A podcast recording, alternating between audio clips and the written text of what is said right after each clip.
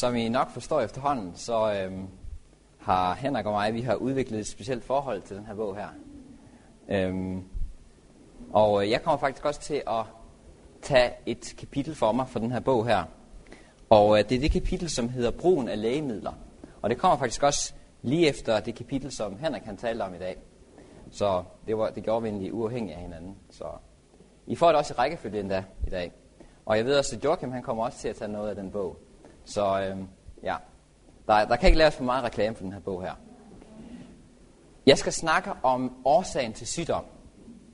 Og det er et kæmpestort emne. Så jeg kommer selvfølgelig ikke til at kunne klare at komme ind på, på alle aspekter. Og ikke engang øh, kunne komme ind på de, de ting, jeg kommer ind på, kommer jeg ikke engang til at kunne gå i, i dybden med. Men alligevel så er der så meget i dag, så jeg håber, at vi når at komme igennem det hele. Hvis vi ikke når at komme igennem det hele, så må vi bare hoppe over nogle ting, og så må I få powerpointen af Joachim bagefter. Vi skal starte med at slå op i vores bibel til, var det for hurtigt, til uh, Lukas evangeliet.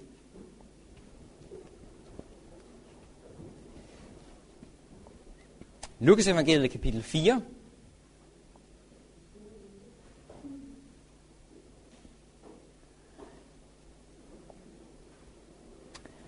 Og så skal vi læse vers nummer 27. Her i, i Lukas evangeliet kapitel 4, der har vi Jesus, som kommer til Nazareth. Og det er efter, at han har begyndt sin mission. Og I ved godt, hvordan han bliver modtaget i Nazareth. Dem, som han taler til der, de kender ham jo godt fra han, hans barndom af.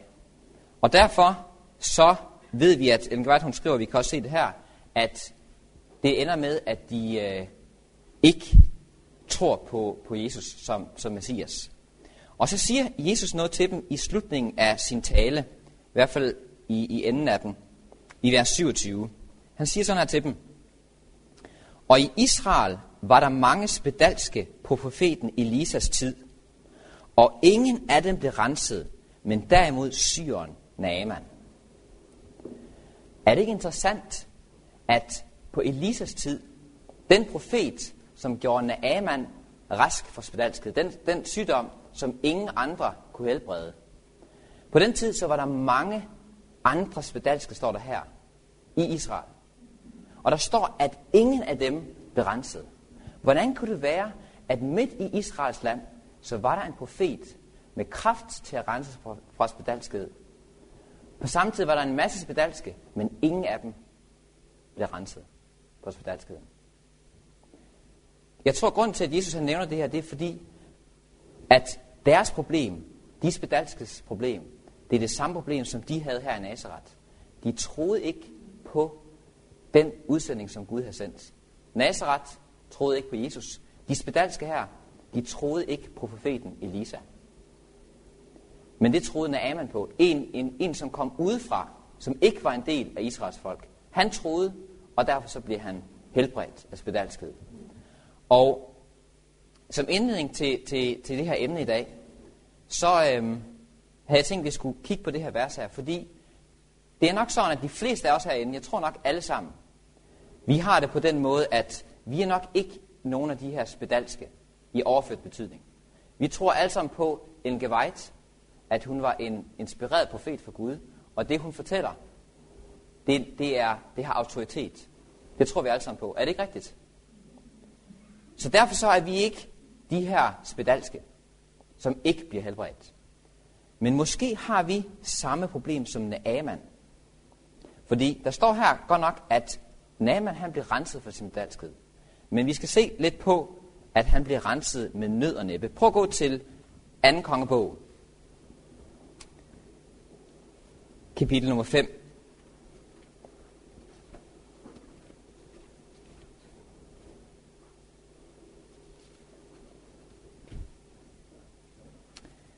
I kender godt historien om Naaman. Han var en, en af de øverste herrefører for Amerikongen. Og der står i Bibelen, at han var en højt agtet mand hos sin herre. Og øh, I kender også historien med, at armerne de havde været ude i Israels land, og så havde de kidnappet en lille pige, som var en trofast lille pige, og hun blev så tjenerinden eller tjenestepigen for Naamans kone. Og da hun fandt ud af, at Naaman var spedalsk, så sagde hun, giv, at Naaman han tog til Israel, til Samaria. Fordi der har vi en profet, som kan helbrede det. Og det havde man ikke hørt på den tidspunkt, det tidspunkt, fordi det var, det var klart for enhver, at fik man spedalskhed, så var det slut. Der var ingen, der kunne helbrede det på den tidspunkt. Men Naaman, han troede på det her. Og derfor så gik han til, kongen, til sin konge, og så fik han tilladelse til at tage til Israel. Og kongen han sendte et brev med, som Nama han skulle have til Israels konge, og det kan vi læse i vers 6. Prøv at se, hvad der står i vers 6. Og han overbragte Israels kongebrevet. Nama han kom til Israel, han kom til Israels konge, og så fik, tog han brevet med. Der står der, der, der i stod, der står der. Når dette brev kommer dig i hende, skal du vide, at jeg sender min tjener Naaman til dig, for at du skal skille ham af med hans bedalskhed. Prøv at lægge mærke til, hvad, hvordan kongen reagerer. Da Israels konge havde læst brevet, sønder han rev han sine klæder og sagde, er jeg Gud, så jeg råder over liv og død, siden han skriver til mig, at jeg skal skille en mand af med hans bedalskhed. Nej, I kan se, at han søger lejlighed til strid med mig. Så Israels konge han siger, er jeg Gud? Der er ingen, der kan helbrede en mand for spedalskhed. Er jeg Gud, så jeg kan gøre død eller levende? Så vi kan se her, spedalskhed, man anede ikke, hvordan man skulle kurere det. Og jeg tror, i dag så mener man, at man måske kan kurere det med, med medicin. Men i hvert fald på det tidspunkt, så kunne man ikke gøre det. Prøv så at lægge mærke til, hvad der står i vers 8. Og det er det pointet i dag. Men da den gudsmand Elisa hørte, at Israels konge havde sønderredet sine klæder, sendte han det bud til kongen. Hvorfor sønderreder du dine klæder? Lad ham komme til mig, så skal han kende, at der er en profet i Israel. Kan I se? Han siger til kongen, han siger, hvorfor er det, du sønderrever dine klæder? Lad Naaman komme til mig, så skal han kende, at der er en profet i Israel. Med andre ord, I har ikke, I har ikke erfaret, hvad det egentlig vil sige at have en profet i Israel. Men det kommer Naaman til at erfare, fordi han kommer til mig. Kan I se det? Det er det samme med os. Vi har en profet i, i, i Adventistkirken. Men der er mange af os, som ikke har erfaret, at der er en profet i Adventistkirken. Kan I godt se det? Men nu skal vi se, at Naaman, han er lige ved at gå glip af den velsignelse, som han så får, heldigvis. Prøv at se, hvad der står i øh, vers 9. Der kom Naaman med hest og vogne og holdt uden for døren til Elisas hus. Vers 10. Elisa sendte et bud ud til ham og lød sige, gå hen og bad dig syv gange i Jordan, så bliver dit læme af dig friskt, og du bliver ren. Men hvad Aman blev vred og drog bort med de ord, så jeg havde tænkt, at han ville komme ud til mig, stå og påkalde Herren sin Guds navn, og svinge sin hånd i retning af helligdommen, og således gøre ende på spedalskeden. Er ikke Damaskus floder, Abana og Papa fuldt så gode som Israels vande? Kunne jeg ikke blive ren ved at bade mig i dem? Og han vendte sig og drog bort i vrede. Okay? Hvorfor var det, at Naaman her var lige ved at gå glip? Hvis han ikke har haft nogle trofaste tjenere, som har sagt, prøv at høre, folkens, prøv at høre, Naaman. Hvis, hvis han nu havde bedt dig om at løbe en maraton, så havde du gjort det. Og så var du blevet frisk. Nu beder han dig bare om at, at, at, at gå ned i Jordan. Hvad var det, der gjorde, at Naaman var lige ved at gå glip af den her velsignelse? Det første, det var, at han havde nogle forudfattede forventninger til, hvad profeten han ville gøre, eller hvad han ville sige. Kan I se det? Han sagde, jeg, havde, jeg tænkte, at han ville komme ud, så ville han tage sin hånd, og så ville han svinge den lidt imod Jerusalem, og så bede til sin Gud, og så ville jeg blive rask. Men det gjorde han ikke. Og derfor så drejer jeg væk i vrede. Det var en af de ting. Han havde nogle forkerte forfattede forventninger. Den anden ting, det var, at hans stolthed den blev såret. Han sagde, jeg troede, at han ville komme ud. Han sender bare en tjener ud til mig, som om jeg er bare en, en eller anden forbipasserende. Jeg er den store herfører fra, fra Syrien, eller fra Amer, fra Ameren, eller hvad det hedder. Ameriernes land. Så stoltheden blev såret, og han havde forudfattede forventninger. Og det samme, det er, det kan ske med os i dag. Vi kommer til at læse nogle ting, som, øh, som kommer lidt tæt på, på, på os, tror jeg. Fordi sådan er det altså med, med, med, med profeter. De siger tingene, som de er. Og de siger tingene, som det er, fordi det er nogle gange det, er det, der skal til, for at vi laver ting om i vores liv. Det, vi kommer til at læse i dag, det kan være, at det kommer til at pille ved vores forudfattede forventninger om, hvordan helbredelse egentlig hænger sammen. Det kan også være, at det ikke gør det, fordi jeg har læst det før. Det gjorde det i hvert fald for mig. Det kan også godt være, at det, som vi kigger på i dag, det er noget, som sårer vores stolthed. Men lad os ikke gøre, ligesom Naaman var lige ved at gøre. Rejse væk fra profeten i vrede. Lad os hellere i ydmyghed, som man så gjorde heldigvis til sidst, og han fik velsignelsen. Lad os høre efter, hvad den hellige ånd, den har, han har lidt man kan vej til at sige. Så årsagen til sygdom skal vi kigge lidt på. Det første, vi, det første spørgsmål, vi kan stille os, når vi snakker om sygdom, det er, hvorfor vil vi gerne være raske? Og det er selvfølgelig selvindlysende. Det er surt at være syg. Det er surt at ligge i sengen og kan ikke tage i skole, kan ikke arbejde, have det skidt og dårligt. Det er klart. Men for os som adventister, så ligger der en langt dybere årsag til, hvorfor vi gerne vil være raske. Og I kender det alle sammen, men det er godt at blive mindre om det. Der står her, og Gud skabte mennesket i sit billede. I Guds billede skabte han det. Det var sådan, vi blev oprindeligt skabt. Vi blev skabt til at ligne Gud. Prøv at se det her. Det er citat, det læste jeg også for jer nu her til morgen. Men jeg synes, vi skal gentage det. Der står her, mennesket skulle bære Guds billede, både i det ydre og i karakter. Gud han ønsker, at vi skal komme tilbage til den her punkt, hvor vi ligner Gud i det ydre, så vidt som muligt. Det kommer vi i hvert fald til fuldt og helt, når han kommer igen. Men allervigtigst i karakter.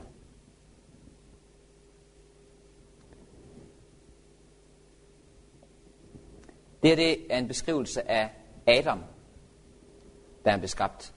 Det læste jeg også nu her. Men prøv at lægge mærke til en ting. Vi skal lægge mærke til den her. Menneskets natur var i harmoni med Guds vilje. Det forstand havde mulighed til at fatte det guddommelige. Dets tilbøjeligheder var rene. Alt det her, det kan ikke siges om os i dag. Men prøv at høre, hvad der står her. Dets appetit og lyster var under fornuftens kontrol. Det var heldigt og lykkeligt ved at bære Guds billede og fuldkommen lydigt imod hans vilje. Prøv at lægge mærke til, at der står her. Adam, han blev skabt fuldkommen på alle måder. Han havde en hellig natur, en syndfri natur. Hans tilbøjeligheder var rene. Han ønskede at gøre det, der var rigtigt, dagen lang. Men han blev også skabt med en appetit. Han blev skabt med lyster. Men der står her, at de var under fornuftens kontrol. Så der var altså ikke noget syndigt i lyster eller appetit. Ellers havde Gud ikke skabt Adam med dem. Så var det noget, der var kommet efter syndefaldet. Gud han skabte Adam med lyster og med en appetit. Men de skulle være under fornuftens kontrol. I ved godt, i dag så har vi en syndig natur. I dag så er den her, den her, øh, det her hierarki med, at fornuften er på toppen, og lysterne er i bunden, og der er kontrol fra fornuften over lysterne, det er vendt, det er vendt på hovedet. I dag så er det lysterne, der har kontrol. Og det er ikke kun mig, der siger det. Det skal vi kigge på her på Bibelen også. Det her, det, vi skal lige have det her med først. Der står her, det kommer fra øhm, Kristi Linser. Tak. Kristus venter med længsel efter at se sit billede åbenbaret i sin menighed. Okay? Vi er beskabt i Guds billede. Nu er vi i en situation, hvor at vi ligger under, hvor at hierarkiet med, hvem der bestemmer, hvem der har kontrol, er vendt rundt. Men der står her, at Jesus han venter på, at hans billede skal blive reproduceret i os. Når Kristi karakter genspejles fuldkommet i hans folk, vil han komme for at tage den til sig. Kan I godt se? Vi har brug for på en eller anden måde at forstå, hvordan kan den her, det her, øh, den her situation, som vi er i, komme tilbage til den situation, som Adam han var i. Romerne kapitel 7, vers 22. Paulus han siger, til i, mit, til i mit indre menneske glæder jeg mig over Guds lov. Det er fornuften. Det, det er det moralske i os. Det er det åndelige. Vi glæder os over Guds lov. Men i mine lemmer ser jeg en anden lov, som ligger i strid med loven i mit sind, og tager mig til fange under syndens lov, som er i mine lemmer. Okay? Så der er en strid i et hvert menneske. Du har lysterne, og du har det indre menneske, eller fornuften eller moralen. De ligger i kamp mod hinanden. Hvem er det, der vinder den her kamp, ifølge den her tekst her? Det er kødet, ja. Det er lysterne. Kan I se? Paulus siger, de ligger i strid med hinanden, og jeg bliver taget til fange under syndens lov. Og det er derfor, så han går videre, så siger han, jeg elendige menneske, hvem skal fri mig fra dette dødens læme? Hvem er det, der skal hjælpe mig til, at jeg ikke ligger til fange under mine lyster? Og det er det, som alle mennesker, de egentlig har brug for. De har brug for at vide, hvordan er det, at den her, det her hierarki, som er vendt på hovedet, skal få lov at komme tilbage til, til, til, det, til den oprindelige plan. Og svaret det kommer i vers 25. Gud skal tak ved Jesus Kristus, vor Herre. Så det er Jesus, der, kommer, der kan hjælpe os til, at det her hierarki det kan vendes rundt igen. Og hvordan sker det så? Det kan vi læse i, i kapitel 8, vers 2. Til livets ånds lov har i Kristus Jesus gjort mig fri fra syndens og dødens lov. Før så var vi i fangskab til lysterne. Det vi gerne selv ville gøre, ville gøre, det kunne vi ikke gøre, selvom vi godt vidste, hvad det var rigtigt at gøre. Der står her, det der kunne gøre os fri, hvad var det? Det var en lov, en livets lov, som kom fra den hellige ånd. Kan I se det? Der står livets ånds lov skal gøre os fri. Så er spørgsmålet, hvordan gør den hellige ånd os fri fra, at vi er fanget under vores lyster? Hvordan gør han det? Jeg tror, at svaret findes her i Efeserne kapitel 3, vers 16. Der står der, at han efter sin herlighedsrigdom vil give jer, at I med kraft må styrkes ved hans ånd i det indre menneske. Kan I godt se, det som, der hvor vi før havde et problem, eller der hvor vi har et problem, det er, at vores indre menneske, det menneske, som forstår Guds lov, som forstår Guds vilje, at det er taget til fange ind under en kraft, som er større end den, nemlig lysten til at gøre det, der er forkert. Lysten, den vinder hver eneste gang. Så står der her, at det, som Gud han gjorde, det var, han sendte sin hellige ånd til at styrke det indre menneske, som har brug for, som egentlig skal kontrollere lysterne. Det er den måde, Gud han hjælper. Og det er derfor, der kan stå i Romerne kapitel 8, vers 1. For at lovens krav skulle opfyldes i os, som ikke vandrer efter kødet, men efter ånden. Når vi overgiver os til Gud, når vi beder Gud om at hjælpe os til at følge hans vilje, og når vi vælger at følge hans vilje, så har han lovet os, at han giver os den hellige ånd. Og den hellige ånd går ind, og så styrker han den kraft i mennesket, som egentlig før lå under kontrol af lysterne. Så styrker han den del, nemlig det indre menneske, som, og gør, at det kan han kontrol. Og det er vigtigt, at vi forstår det her, før vi går videre og kigger på alle de ting, som Enke White, hun siger, det er rigtigt, det er sådan og sådan og sådan, vi skal leve. Hvis vi ikke forstår det her, det er ikke os selv, der kan gøre det her. Men det, vi skal vælge det, og så skal vi vide, at Gud han, har, han vil give os kraften til at gøre det. Selvom det virker øh, gennemgribende.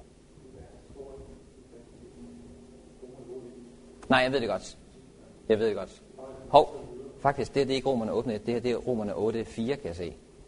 Så, men det er rigtigt, romerne 8.1, der står det ikke. Men så skal man bare gå til romerne 8.4. Så har de, de, kunne ikke, de kunne ikke skifte to gange. Så heldigvis. Så Gud han skrev det to gange, så held, danskerne heller ikke kunne, kunne komme forbi. Okay.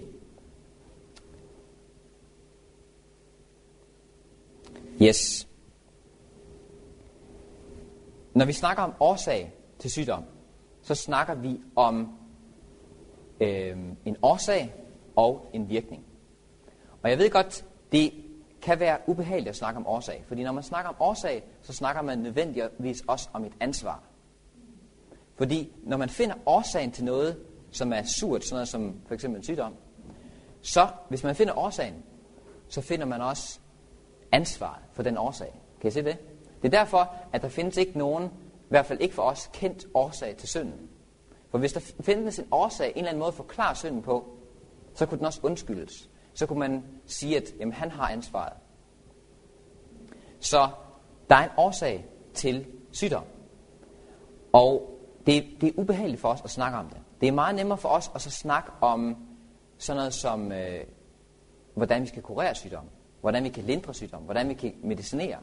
Det er ikke sjovt for os at tænke på årsagen til det. Ved I, hvad det her det er?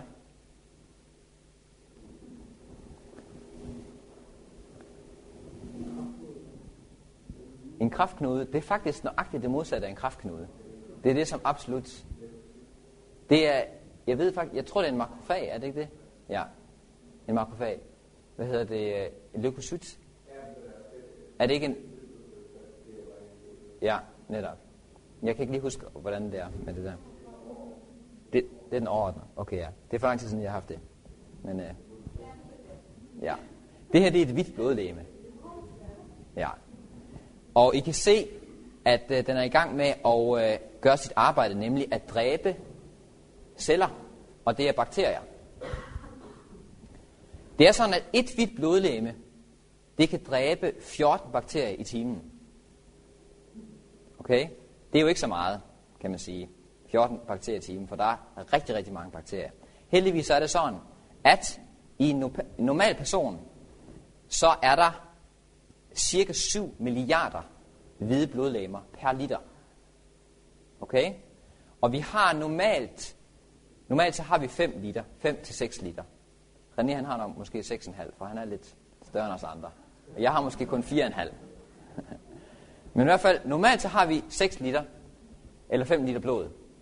Og øh, det vil så sige, hvis vi har cirka en øh, normal sund person har 7 milliarder øh, liter, øh, 7 milliarder hvide blodlemmer per liter blod, så har han cirka 35 milliarder hvide blodlemmer. Og de kan så, hvis de så hver slår i, dræber 14 bakterier per time, så dræber de til sammen 490 milliarder bakterier per time. Okay? Det her det er, hvis du er sund og rask og frisk. Okay? Problemet er bare, hvis du spiser lidt sukker. Efter du har spist 12 teske sukker, så kan dit hvide blodlegeme fra at have dræbe 14, så dræber det kun 5,5 bakterier i timen. Det vil sige, at hvor du før kunne dræbe 490 milliarder bakterier, kan du nu kun dræbe 192 milliarder per time. Det er en reduktion på over, øh, over 60 procent af dit immunforsvar. Og det, det svar til en Marsbar. Så efter en Marsbar, så er din, dit immunforsvar nedsat med 60 procent. Okay? Hvis man så spiser to, hvis du spiser to, så kan din, din, dit hvide blodlegeme kun dræbe én bakterie i timen. Og så kan du kun dræbe til sammen 35 milliarder bakterier per time. Det er en reduktion på 92 procent af dit immunforsvar. I ved godt, det er nemmere at sige sådan her, jamen øh, jeg var ude blandt mine, mine kammerater, og der var en, der var syg, og han hostede mig ansigtet, og det er derfor, jeg blev syg. Det er nemmere at sige, end at sige, at jeg tog altså to Marsbar, jeg svækkede mit eget immunforsvar, og derfor så ligger jeg syg. Men det er nogle gange den virkelige årsag. Ja. Der, der er selvfølgelig flere bakterier, hvis du, bliver, hvis du er sammen med nogen, der, der er syge. Men øh, jeg ved ikke helt nøjagtigt, hvor mange bakterier der er. Det er jo sådan, at, at øh, bakterierne skal også ind i kroppen, og det kommer den mest den her vej jo. Så de kan ikke komme igennem huden. Men øh,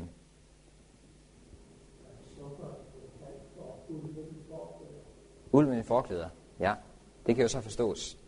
Det er måske også derfor, at der står i ordsprogenes bog, kapitel 25, vers 27, det er ej godt at spise for meget honning. Det står der faktisk.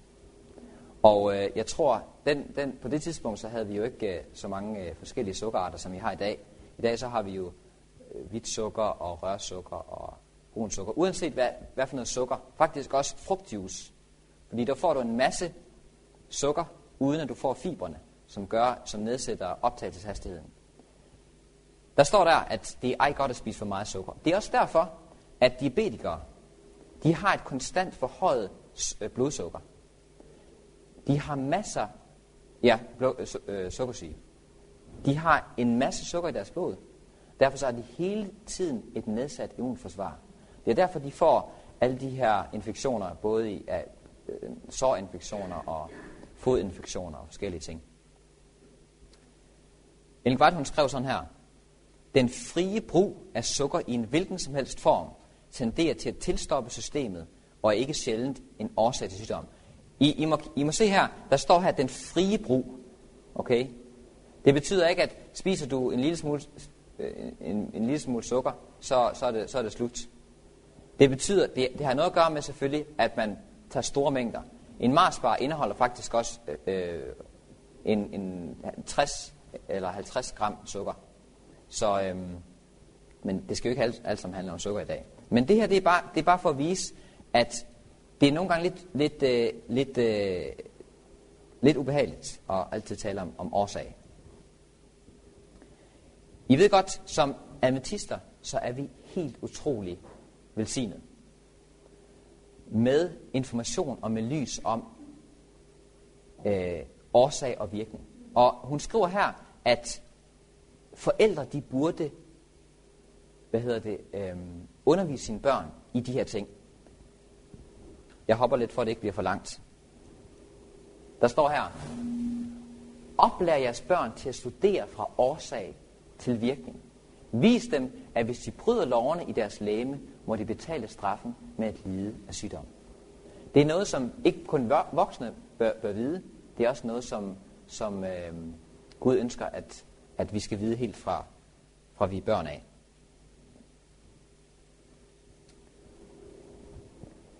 Hun indleder kapitlet, som, som øh, jeg skal snakke lidt om i dag, sådan her. Sygdom kommer aldrig uden en årsag. Vejen forberedes, og sygdom indbydes ved at tilsidesætte helselovene. Så det, at der findes en sygdom uden årsag, det findes der bare ikke. Der findes ikke en årsagsløs sygdom. Og så er der nogen, der kan sige, jamen, er det ikke Satan, som er ophavsmand til, til al sygdom? Er det ikke ham, som har startet det hele? Prøv at se på det her. Det er rigtigt nok. Der står her, Satan er ophavsmanden af sygdom, og lægen kæmper mod hans arbejde og kraft. I kan godt se, at det er, det er et øh, seriøst arbejde at være læge, hvis man er op mod sådan en, en modstander. Men der står her, Satan er ophavsmanden af sygdom. Og det er rigtigt i den, til, til den grad, at Satan han er jo ophavsmand til al synd. Og synd, det ligger, Øh, brud af sundhedslovene, det kommer også ind under synd. Det er jo brud af Guds lov. Og når Satan er ophavsmand af, af al synd, så er han også ophavsmand til al sygdom. Hun skriver her, og det er det, som også gør det klart. En hver misbrug af en hvilken som helst del af vores krop er en overtrædelse af den lov, som Gud havde til formål skulle regere os i disse ting. Ved at overtræde den lov, fordærver mennesker sig selv. Sygdom, plager af enhver art, ødelagte helbred, for tidlig forfald, alt for tidlig død. Disse er resultatet af en overtrædelse af naturens love. Og så kommer det her citat her fra Patriarker Profeter. Gud placerede mennesket under lov som en uundværlig betingelse for selve deres eksistens. En uundværlig betingelse for selve deres eksistens. Gud han skabte os til at, til at leve efter visse helselove. Lov, det er lige med liv. Kan I se det? Der står, det er en uundværlig betingelse for selve deres eksistens. Det vil sige, hvis vi bryder en af helselovene, så svækker det livet. Det svækker eksistensen. Hvis vi lever efter Guds lov, så lever vi efter Guds liv. Fordi der står her, at det er en uundværlig betingelse for selve deres eksistens.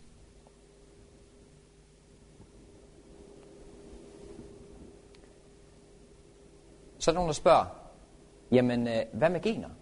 Har det ikke også noget at sige? Har det ikke også en rolle? Og jo, det har det. Det har faktisk en, en væsentlig rolle, gener. Prøv at se, hvad der står her. Mange lider som en konsekvens af deres forældres overtrædelse. Det vil sige, os som sidder her i dag, vi har alle sammen forældre. Og de overtrædelser, som de gjorde, på en eller anden måde, så har det også haft en betydning for os. Og vi skal, hurtigt, vi skal snart finde ud af, hvorfor det har haft en betydning. Selvom de, ikke, selvom de ikke er ansvarlige for, hvad deres forældre har gjort, så er de alligevel deres pligt at klargøre, hvad det er, og hvad der ikke er overtrædelse af helselovene. De skal undgå deres forældres forkerte vaner, og ved rigtig levevis placere sig selv under bedre vilkår. Det er klart, selvom ens forældre, de har måske ikke vidst nogen ting, og derfor så har de brudt helselovene, og så har du vokset op i deres hjem, så er det alligevel din pligt at finde ud af, hvad der er og hvad der ikke er brudt af helselovene. Så vi har lige ved det ansvar. Men alligevel, bare det, at vi er blevet født af nogle forældre, det gør, at vi, vi ligger under nogle, øh, nogle ting. Og det kan vi også se i Romerne kapitel 5, vers 12. I har måske ikke tænkt på den her tekst på den her måde før. Der står her, eller der står der i Romerne kapitel 5, vers 12. Derfor, ligesom synden kom ind i verden ved et menneske, og døden ved synden, og døden således trængte igennem til alle mennesker, fordi de alle syndede. Så da Adam han syndede, det vi fik fra ham som arv, det var død. Vi kunne leve næsten 1000 år i starten, men vi fik arven, og det var død. Men hver eneste generation efter Adam, de syndede også. Så hver eneste generation, de tilføjede generationen, som de levede i, et ekstra brud på helselovene. Kan I se det? Så derfor, så den generation, som vi er i dag, der er mange, der tror, at det går op ad bakke. Men det gør det ikke, det går ned ad bakke. Den generation, vi er i dag, det er en af de svageste generationer, der har været.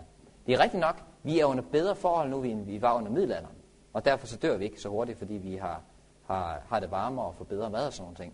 Men hvis vi kigger på vores krop, så er den værre stillet end i middelalderen. Galaterne kapitel 6. Hvad et menneske sår, I kender det. Hvad et menneske sår, det skal han også høste. Til den, der sår i sit kød, skal høste fordærvelse af kødet. Men den, der sår i ånden, skal høste evigt liv af ånden. Kan I godt se det? Hvis hver generation, som der står i Bibelen, har syndet mod Guds bud, så har de, sød, så har de sået i kødet, og så har de høstet fordærvelse af det. Og det giver de så videre til en vis grad til dem, som kommer efter dem. Og sådan således generation efter generation. Det, er det er et langt citat. Jeg ved ikke, skal vi alle sammen stå op og strække os? Stå op og stræk jer. Ellers så klarer vi det ikke. Det var en ting, vi lærte under I var i. Og så skulle vi egentlig også løbe lidt rundt om kirken. Okay, tak. Vi er nødt til lige at strække os, før vi kommer til et meget langt citat her. Men det her citat, det er fascinerende. Prøv, prøv at se, hvad der står her. Jeg tror ikke, jeg, jeg havde læst det før, før jeg, før jeg fandt det, før, da jeg skulle forberede til det her. Da mennesket kom fra sin skabers hånd, det er altså Adam, var det fuldkommet i sin tilrettelæggelse og smuk i sin form.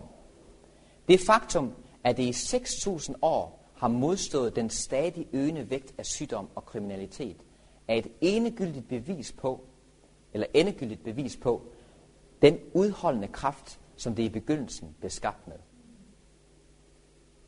Det, at vi lever i dag, det er et bevis på, at Gud han skabte Adam med en ufattelig udholdende kraft til at modstå sygdom. Prøv at se, hvad der står videre her. Det er utroligt. Og selvom menneskene, som levede før syndfloden, generelt gav sig hen til sygdom, ud, til synd, uden hæmning, gik der mere end 2.000 år, før at overtrædelsen af naturloven blev følt med sanserne. Det vil sige, de syndede løs mod deres læmer. De spiste for meget. De dyrkede ikke motion. De drak alkohol. De gjorde alle de ting, man ikke skulle gøre. Men der gik 2.000 år, før at det begyndte at kunne mærkes på deres krop. Det er helt utroligt. Det er også derfor, at de kunne, de kunne blive så onde. Det er fordi, deres krop var så stærk, så de kunne simpelthen ikke mærke, hvilken effekt synden havde på deres krop. Det kan vi i meget større grad, end de kunne dengang. Hvis Adam fra begyndelsen ikke havde besiddet større fysisk kraft, end mennesket nu har, vil menneskeheden før den tid være gået til grunde. Gennem de på hinanden følgende generationer siden syndfaldet, har udviklingen konstant været nedadgående. Sygdom er blevet overført fra forældre til børn i generation efter generation. Selv spædbørn i deres kryber lider af plager, som er forårsaget af deres forældres synd. Moses, den første historiker, giver en ret klar gengivelse af det sociale og individuelle liv i de tidlige dage af jordens historie, men vi finder ingen beretning om, at spædbørn blev født blinde, døve, handicappede eller retarderede. Ikke et eneste tilfælde er noteret om en naturlig død i spædbørnsalderen, barndomsalderen eller tidlig manddom. Patriarkerne fra Adam til Noah, med få undtagelser, levede næsten 1000 år. Siden den tid har gennemsnitsalderen været aftagende. Okay, det var på den tid. Det var før syndfloden. Så kommer vi til Jesus tid. Ved tiden før Jesus Kristi første komme, hvor menneskeheden allerede blevet så degenereret, at ikke kun de gamle, men også de middelalderne og børnene blev bragt fra enhver by til frelseren for at blive helbredt for deres sygdomme. Mange led under byrden af elendighed, som var ubeskrivelig. Hvad så ikke med dag, i dag? 2000 år efter det her. I dag så får, så får børn diabetes. Helt små børn. Diabetes 2, type 2. Det som normalt, som normalt man fik på, på i 70'erne, det fik man først, når man var 70 eller 60. Det får børn, når de er helt små i dag. Det går ikke opad, det går ned ad bakke. Overtrædelse af fysisk lov med den resulterende lidelse og for tidlig død har så længe eksisteret, at disse resultater bliver betragtet som den fastsatte skæbne for menneskeheden. De fleste de tror i dag, at sygdommen det er en fast del af det at være menneske. Det var slet ikke Guds plan. Men Gud skabte ikke menneskeheden i en sådan svagelig tilstand. Denne tilstand af tingene er ikke resultat af forsynet, men af mennesket. Den er fremkommet ved forkerte vaner, ved overtrædelse af lovene, som Gud har skabt til at styre menneskets eksistens. Og så skriver han så, at hvis vi havde fulgt de ti bud og ledet efter principperne, så havde den, den, den oversvømmelsessygdom, den behøvede slet ikke at eksistere i dag.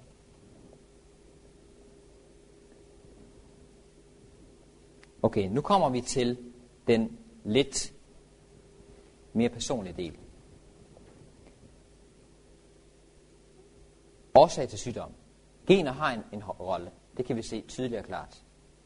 Men Ellen White skriver alligevel her, der står, at de fleste lider i midlertid som følge af deres egne fejl. Så gener har noget, en rolle at spille. Vi er ikke født som, som Adam, men de fleste af de sygdomme, vi pådrager os, det er på grund af vores egne fejl, står der her. De tilsidesætter sundhedsprincipperne i deres vaner i at spise, drikke, klædedragt og arbejde. Så hun deler det årsag til sygdom, det deler hun op i fire enkelte ting. At spise forkert, og vi snakker om vaner. Vi snakker ikke om, hvad man lige gjorde en, en gang om måneden. Vi snakker om det, man gør dag efter dag. En vane. I spise, drikke, klædedragt og arbejde. Deres overtrædelse af naturlovene har sine sikre følger. Og når sygdom rammer dem, så er der mange, som ikke fører deres lidelser tilbage til den sande årsag, men knurrer imod Gud over deres sygdom. Men Gud er ikke ansvarlig for den lidelse, som skyldes til sidesættelse af naturloven.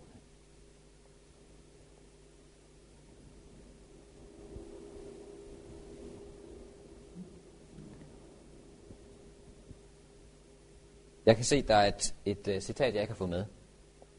Øhm, men uh, det er et meget kort citat, det er en sætning. Der står her, hun skriver, som skulle komme før det her.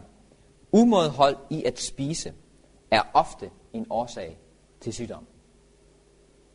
Og umådehold, hvad er definitionen på umådehold? Eller er der nogen, der, er der, nogen der, der, der har et andet ord for umådehold? Froseri, er, men det er ikke kun froseri. Du kan også være umådeholden ved at spise for lidt, for eksempel. Ja, det er rigtigt.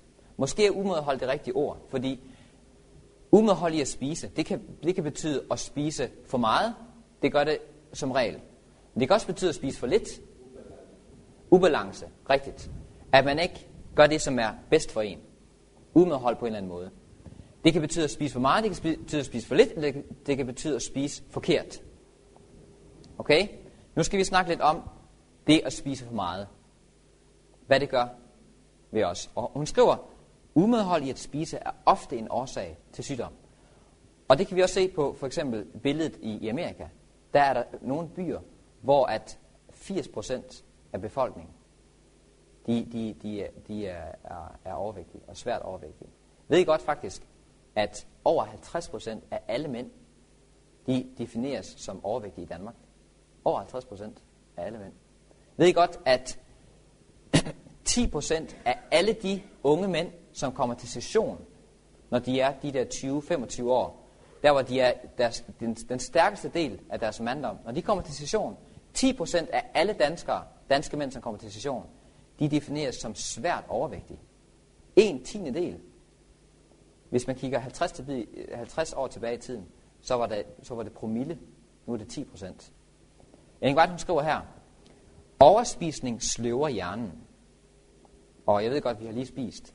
Så det, det, det, selvom, man, selvom man ikke har overspist, så kan det lige godt sløve hjernen. Men der står her, overspisning sløver i hvert fald hjernen.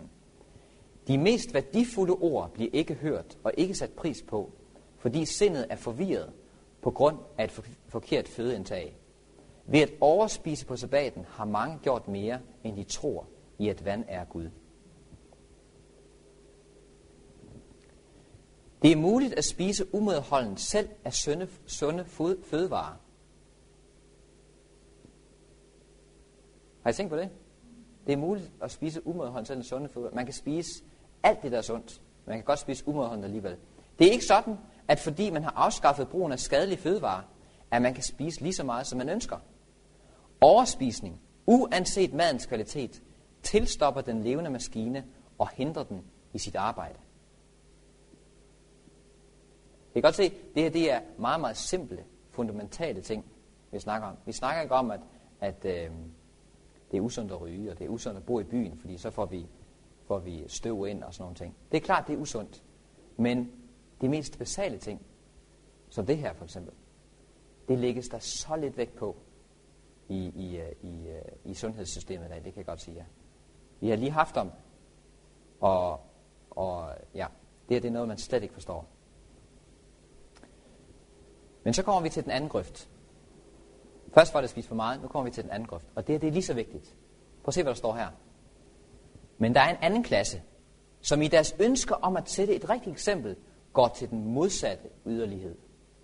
Nogle er ude af stand til at skaffe sig de bedste fødemidler. Og i stedet for at anvende sådanne ting, som bedst kunne erstatte, hvad de mangler, indskrænker de sig til en kost, som ikke giver tilstrækkelig næring. Den indeholder ikke de næringsstoffer, som er nødvendigt til dannelsen af godt blod. Deres sundhed lider derunder, arbejdsevnen nedsættes, og deres eksempel taler imod, snarere end til gunst for kostreform. Andre mener, at efter, eftersom sundheden kræver en enkelt kost, så behøver man kun at være lidt omhyggelig med hensyn til valget og tilberedelsen af sin føde. Nogle indskrænker sig til en meget forarmet kost og får ikke tilstrækkelig variation til at imødekomme organismens behov og må derfor lide under følgerne af deres fremgangsmåde. Se, det er den modsatte. Det er det modsatte, man kan gå i. Man kan, man kan, høre, man kan læse de andre citater, og, og så kan man tænke, uh, jeg spiser kun én kartoffel, eller jeg spiser kun lidt salat, og det er nok. Fordi ellers så, så, så spiser jeg altså for meget. Men så kan man gå i den, anden, i den anden grøft, hvor man så indskrænker sig så meget, så man ikke får de næringsstoffer, man har brug for. Og så bliver man syg. Og så er et ens eksempel, så kigger folk på en og siger, ha, han prøver at leve sundt. Men det ser godt nok ud som om, han er specielt sund. De, som kun har en delvis forståelse for reformens grundsætninger, er ofte de strengeste, ikke alene med hensyn til selv at efterleve deres anskuelser, men også til at påtvinge deres familier og naboer dem. Følgen af deres fejltagelser, fejlagtige forsøg undskyld, på reform, således som det viser sig i deres dårlige helbred og i deres anstrengelse for at påtvinge andre deres meninger, giver mange en urigtig opfattelse af kostreformen og leder dem til at forkaste den fuldstændigt. Kan I godt se? Hvis vi ikke forstår, hvordan vi kan, vi kan leve, så vi bliver sunde og raske, så vi har en, en, en, et eksempel i vores egen krop til at vise andre mennesker, at det, det er noget, der virker, så står der her, det får mange til at forkaste den, eller den leder dem til at forkaste sundhedsreformen fuldstændig. Så står der, hvordan vi skal gøre.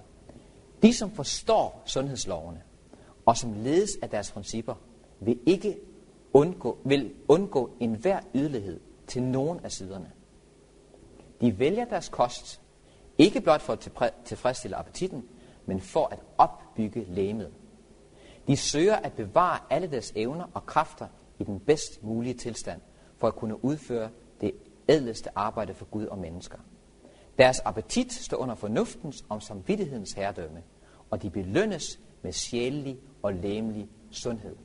Så hvis vi ikke er læmeligt og sjældent sunde, så kan det være, så kan det være, siger jeg.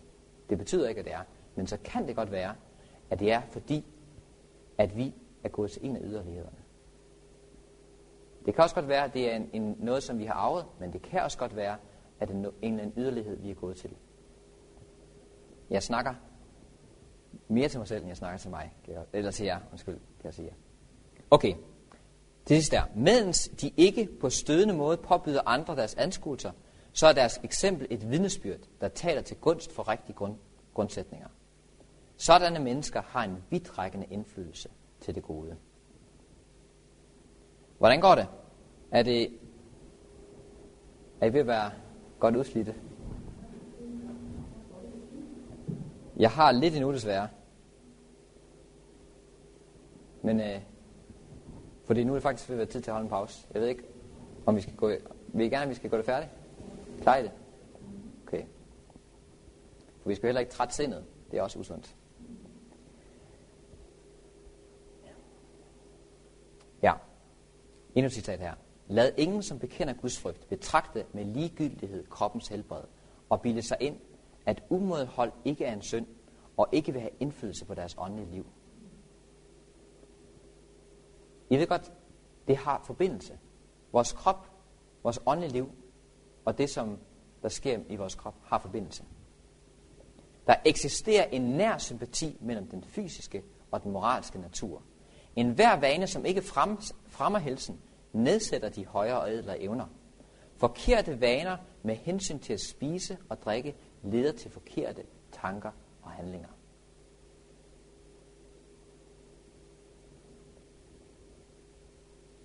Det kan vi se et eksempel på her. Er der nogen, der ved, hvem der siger det her? Eller hvem der, hvad der sker det her med? Og påvirket af vinen, lod han de guldkar og sølvkar hente, som hans far Nebuchadnezzar havde flyttet bort fra hele i Jerusalem, for at kongen og hans stormand, hans hustru og medhustru, kunne drikke af dem. Hvem er det? Det er Balthasar her. Påvirket af vinen, står der. Kan I se? Da hans vaner i spise og drikke, de forkerte vaner, ledte til forkerte handlinger. Og det næste her, jeg ved ikke, om I har tænkt på det. Første Mosebog. Isak holdt mest af Esau. Sig, han spiste gerne vildt, men Rebekka holdt mest af Jakob. Vi får ikke nogen, vi får ikke nogen forklaring på, hvorfor Rebekka holdt mere af Jakob, end han holdt, holdt af, af, af Esau. En kan hun forklare, hvorfor. Men en Bibelen giver en forklaring på, hvorfor Isak holdt mere af Esau. Og er det ikke en mærkelig grund? Hvorfor han holdt mere af Esau? Der står, for han spiste gerne vildt.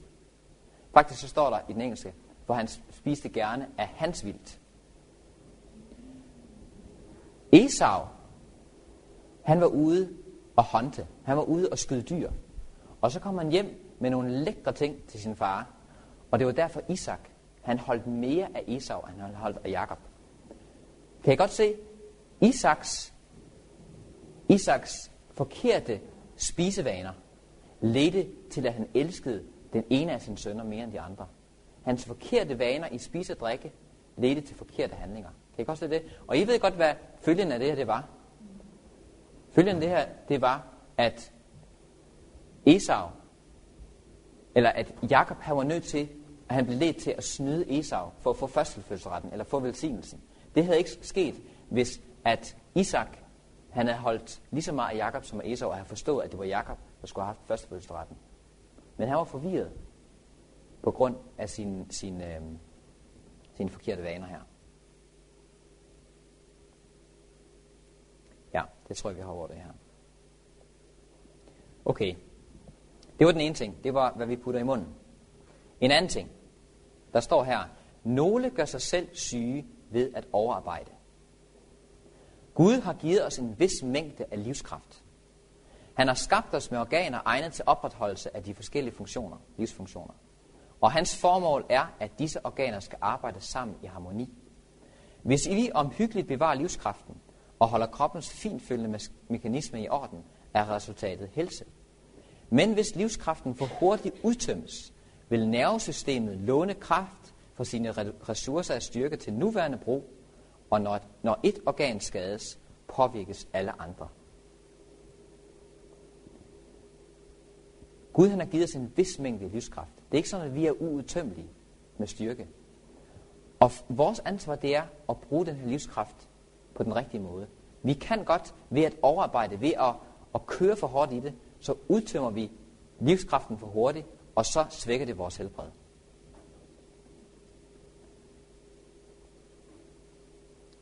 Ja, det det er, det er citat, det tog jeg med, fordi I ved godt, når man er ung, så, så, så, så fristes man, når man hører de her ting her, så fristes man til at sige, prøv jeg har, jeg har, jeg har gjort sådan og sådan og sådan. Jeg har gjort modsat, hvad der står her, og jeg har ikke kunne mærke nogen problem.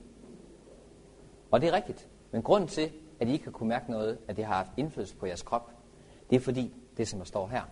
Naturen udholder mein misbrug uden nogen åbenlys modstand.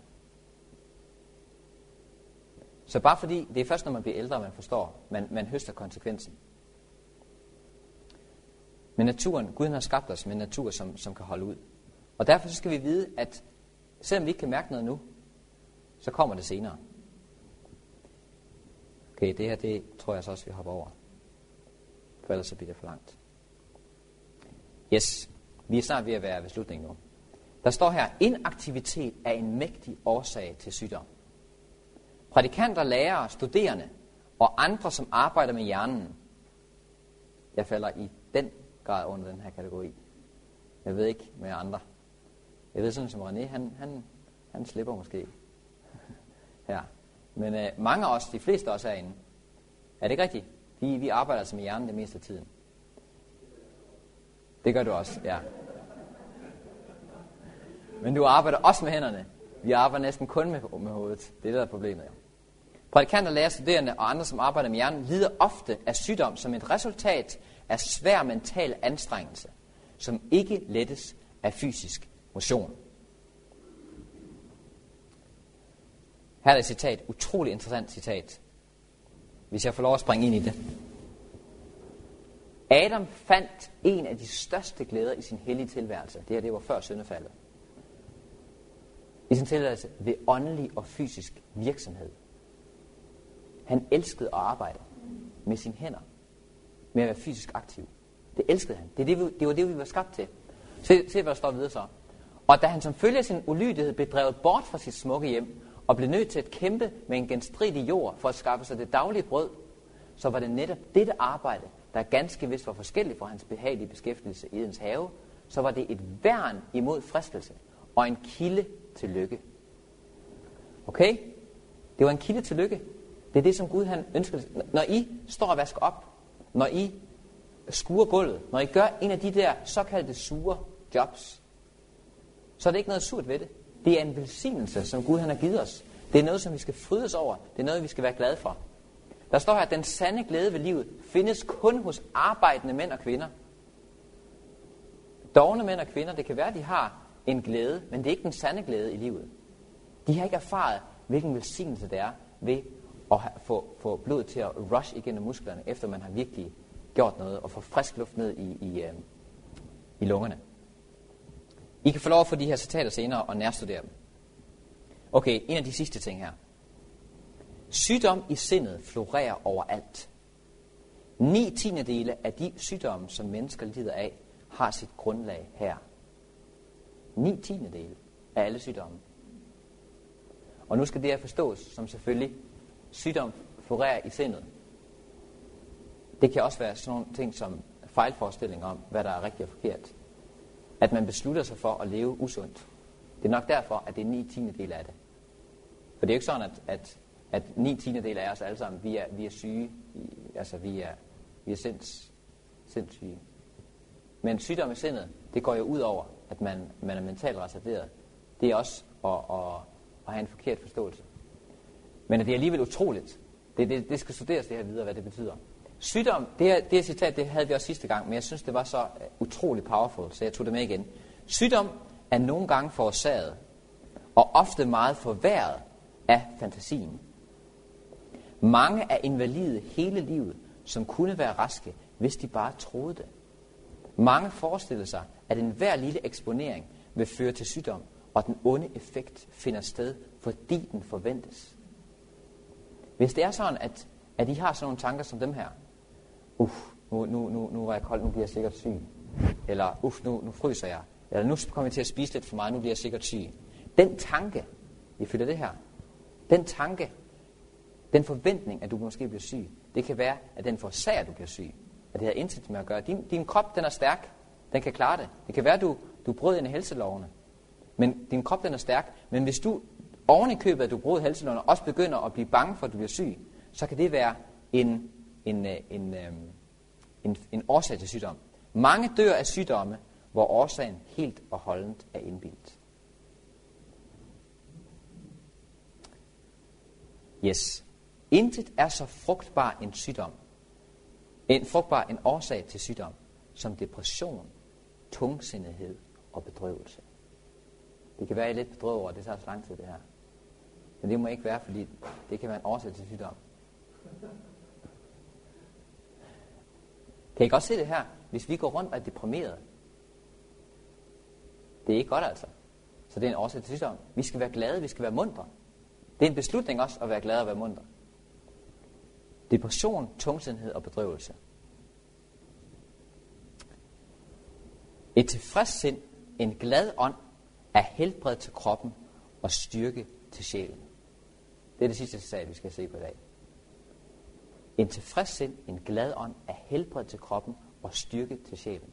Hvis det er, I føler, at I er deprimeret, I er nedtrykt og sådan ting, så syng en sang, så tænk på Guds løfter, så tak ham for en eller anden velsignelse, og så bliv glad igen. Der står, et glad hjerte gør godt som en medicin, men en brudt ånd udtør benene. Det er de ting, som, som, øh, som er så simple. De ting, vi går igennem i dag. Men der er lige noget, som har en kraftfuld påvirkning på vores helbred. Så øh, må Gud hjælpe os til at studere det her mere i dybden, og øh, leve efter sundhedslovene fuldt og helt, så vi kan være sunde og raske. Ja, det her det er oversat fra engelsk, King James Version. Er det, er det også? Hov, undskyld. Beklager. Det er rigtigt. Det er en fejl. Det er ordsprogene.